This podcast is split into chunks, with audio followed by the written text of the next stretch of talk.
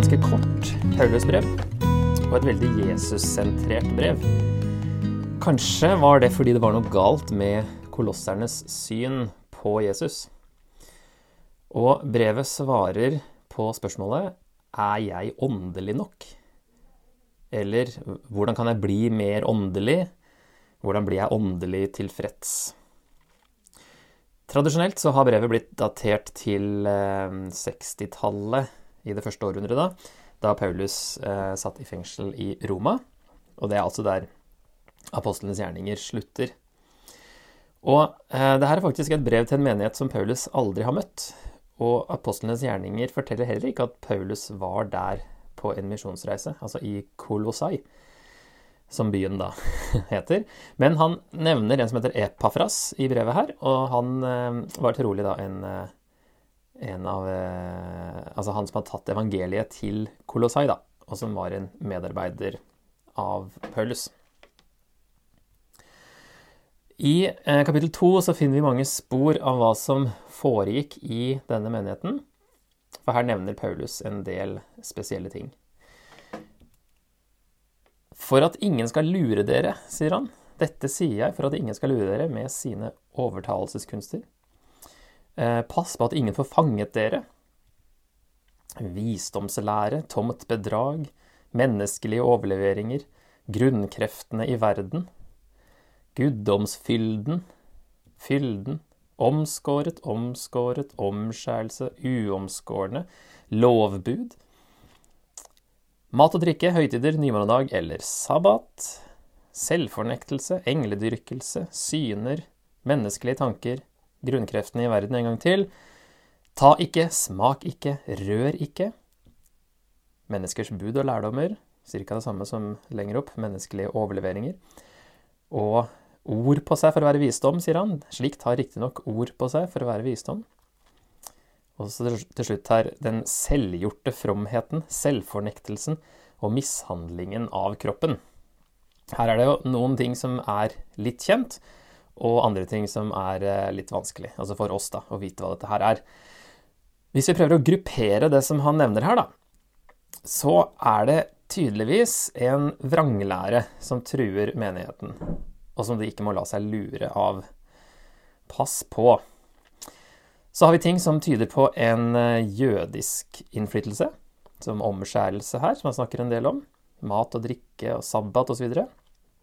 Men så har vi også noen uttrykk fra eh, gresk tankegang. Grunnkreftene i verden. Og fylde. Det var et sånn typisk gresk uttrykk.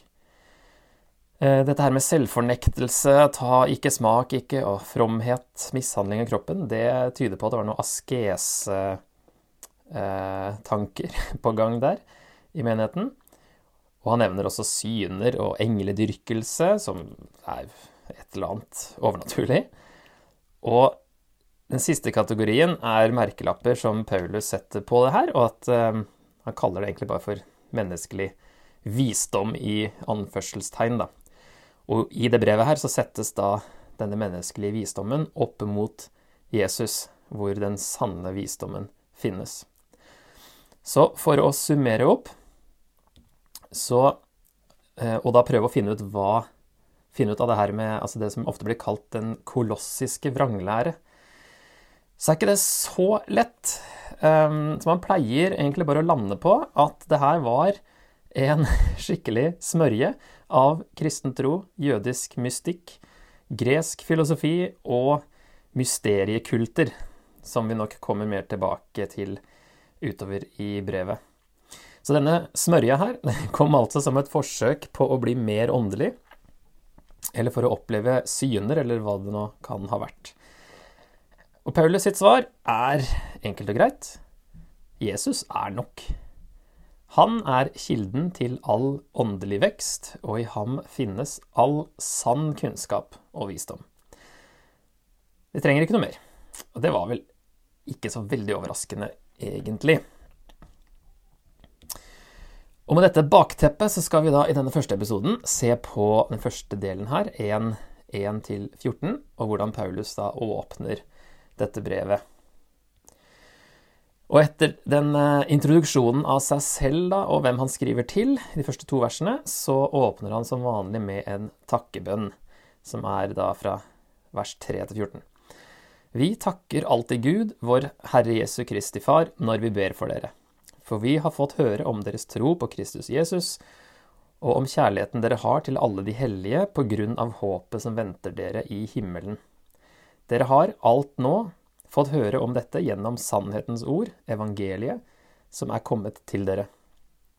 Som i hele verden ellers har evangeliet båret frukt og utbredt seg også hos dere, helt fra den dag dere fikk høre det og lærte Guds sanne nåde å kjenne.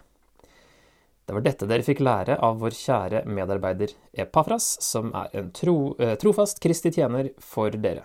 Han har også fortalt oss om kjærligheten dere har i ånden. Så langt så ser vi et par ting her, som er markert med farger. De har sannheten allerede, og trenger ikke lete andre steder, som det jo virker som at de gjorde. Men han setter da evangeliet Eh, det er, si, kaller det også for sannhetens ord. Der, der har de sannheten allerede. Og så tidlig som på 100-tallet så sa Ireneus at eh, originalitet er det siste man bør forvente av en teolog. Vranglære oppstår fra kløen etter noe nytt. Og siden han sa det, på 100-tallet, så har det jo vært ganske mye såkalt nytt. Men det er viktig å huske på at vi har hatt sannheten siden Det nye testamentet ble skrevet og at eh, originalitet er det siste man bør forvente eh, når det kommer til det vi tror på. Da. Det er det samme evangeliet som skal tas videre hele veien. Og så ser vi at han sier eh, som i hele verden ellers har evangeliet båret frukt og utbredt seg også hos dere. Så de er jo heller ikke alene. De har en global kirke å lene seg på når de er usikre.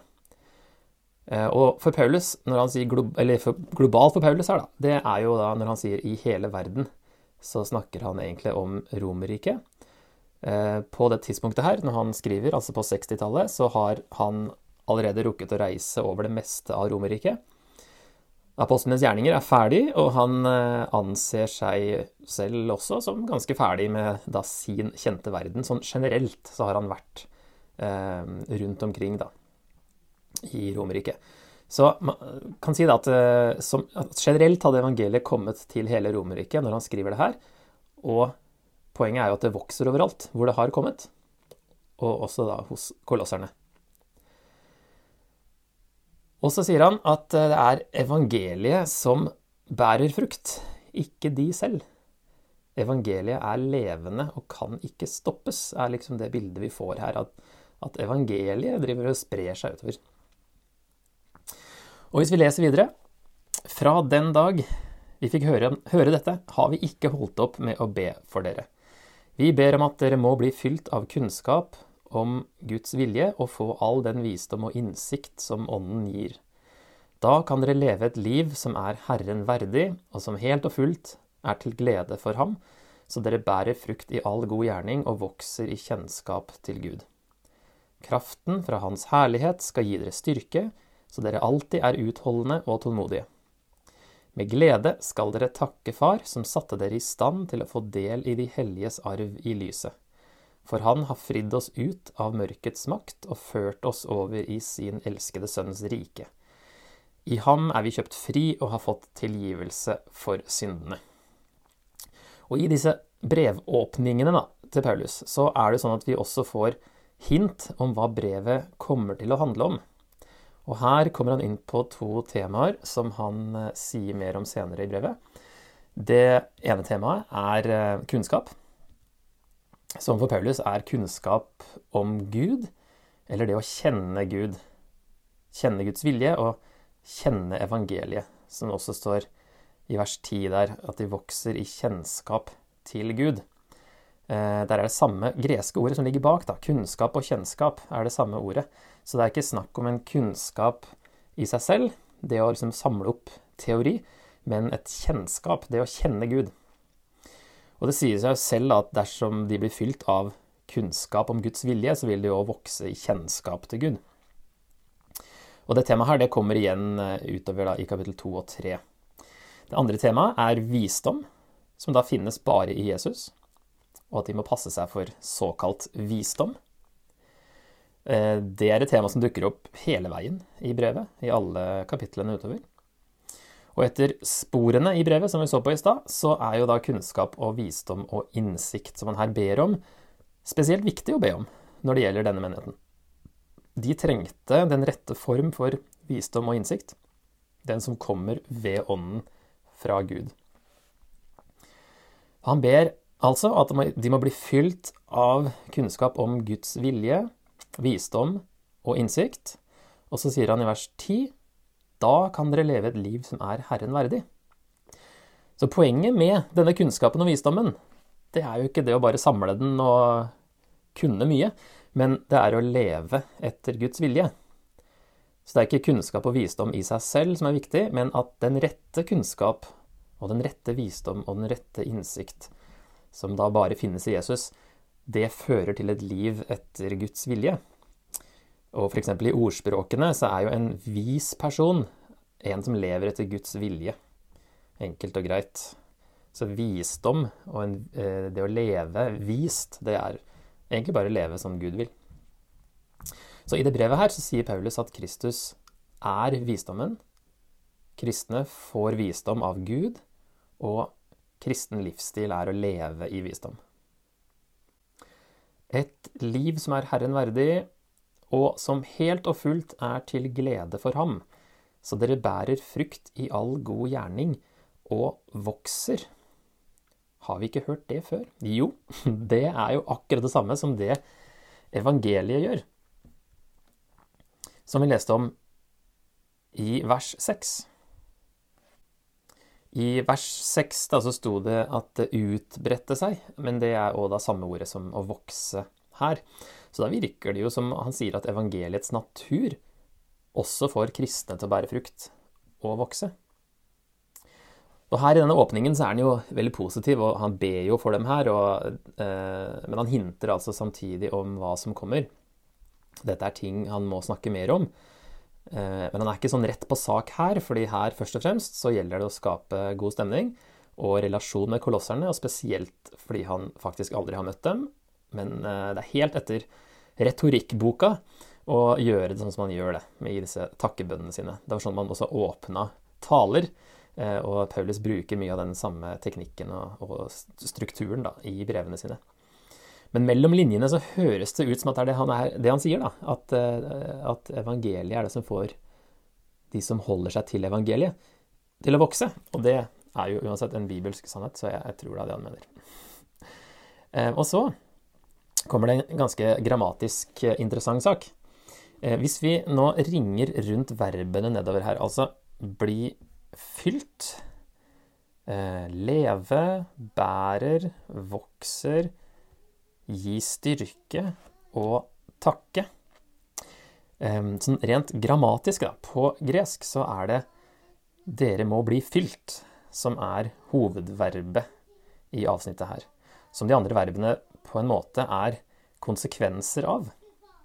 Og det aner meg at det ikke er helt tilfeldig. Altså, hvis de blir fylt av kunnskap om Guds vilje, da vil de leve et liv som er Herren verdig, da vil de bære frukt, da vil de vokse. Gud vil styrke dem kontinuerlig, og de skal hele tiden gi takk til Gud som har gjort og gjør alt. Så alt kommer av at de fylles med kunnskap om Guds vilje. Rett teologi fører til rett liv. Og hvis noen lurer på hvorfor det ikke kom en ring rundt få der oppe i fjerde linja, så eh, er det fordi Paulus egentlig ikke har noe verb der. Han skrev egentlig bare 'i all visdom og åndelig innsikt'. Eh, ja, egentlig står det 'åndelig' istedenfor 'ånden' også, da. Eh, dette kan jo forstås som i den engelske NIV, som har 'through all the wisdom and understanding that the Spirit gives'. At det er sånn man vokser i kunnskap om Guds vilje. Det er 'through', altså ved den visdom og, og og innsikta som Ånden gir, eller at kunnskap om Guds vilje fører til visdom og åndelig innsikt.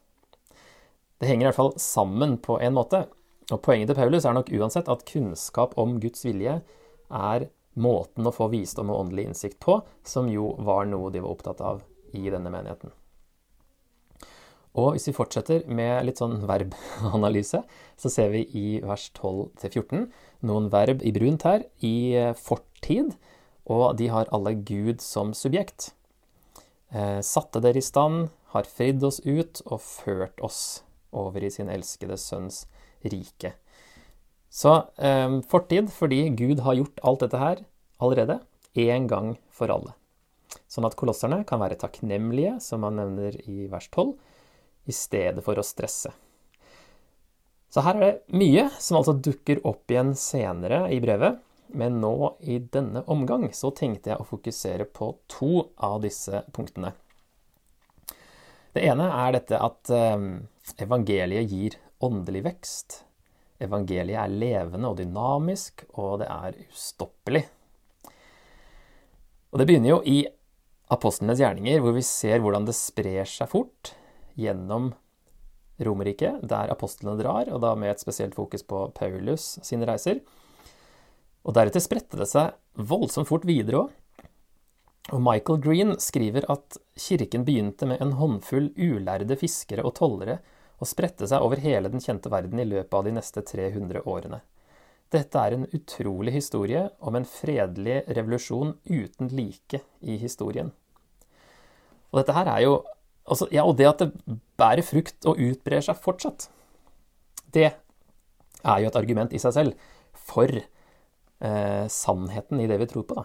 Hvorfor i all verden skulle dette budskapet om en korsfestet mann, som altså ble drept som en kriminell, verste måte, eh, men som skal ha blitt levende igjen, hvorfor skulle det budskapet ha sånn kraft? Det er jo egentlig dårskap for verden, som Paulus sier i første Korinterbrev. Så det er rart at det sprer seg sånn. Men noe av det geniale er jo at troen på Jesus er så universell. Den er ikke knytta til noe bestemt sted på jorda. Det er ingen ritualer som må gjøres. Du er like frelst og åndelig og nær Gud selv om du ikke kan forlate hjemmet. Det er nesten så det er litt juks overfor de andre religionene, for de har jo ikke en sjanse i forhold til Eh, den kristne troen. Evangeliet er så universelt at det ikke er så veldig hindret av en pandemi heller. Ja, jeg er bundet i lenker som en forbryter, men Guds ord er ikke bundet, skriver Paulus i 2. Timoteus. Så Guds ord er jo aldri bundet, selv om Paulus sitter i fengsel, eller vi sitter hjemme og ikke kan møtes. Så, så er jo ikke det egentlig noe hindring for evangeliet, det heller. Det brer seg og sprer seg uansett, for det er liksom levende og ustoppelig. Det andre punktet er det her med at rett teologi fører til rett liv. At eh, hvordan vi tenker om Gud, påvirker hvordan vi lever. Og at et liv som er Jesus verdig, kommer ikke ved å legge til eksterne åndelige såkalte ting, men fra å kjenne Gud og hans vilje. Og viktig poeng her da er dette med at kunnskap er det samme ordet som kjennskap. Så kunnskap er lik kjennskap. Handler altså ikke om å samle teori, men å kjenne Gud, og dermed vite hva hans vilje er. Så relasjonen vi har til Gud i Jesus, det er nøkkelen her. Så til slutt skal vi ta de to punktene her og lande på noen spørsmål som dere kan ta videre, enten i et uh, fellesskap du er en del av, eller alene. Og det første er um, hva betyr det for deg som et vitne for Jesus at evangeliet er ustoppelig? Hvor mye vekt legger du på evangeliets kraft i forhold til dine ferdigheter til å formidle det? Og nummer to er enkelt og greit. Hva kan du konkret gjøre for å bli fylt av kunnskap om Guds vilje, så du kan vokse i kjennskap til ham? Håper dette var en nyttig start til en god samtale eller prosess videre, og så fortsetter vi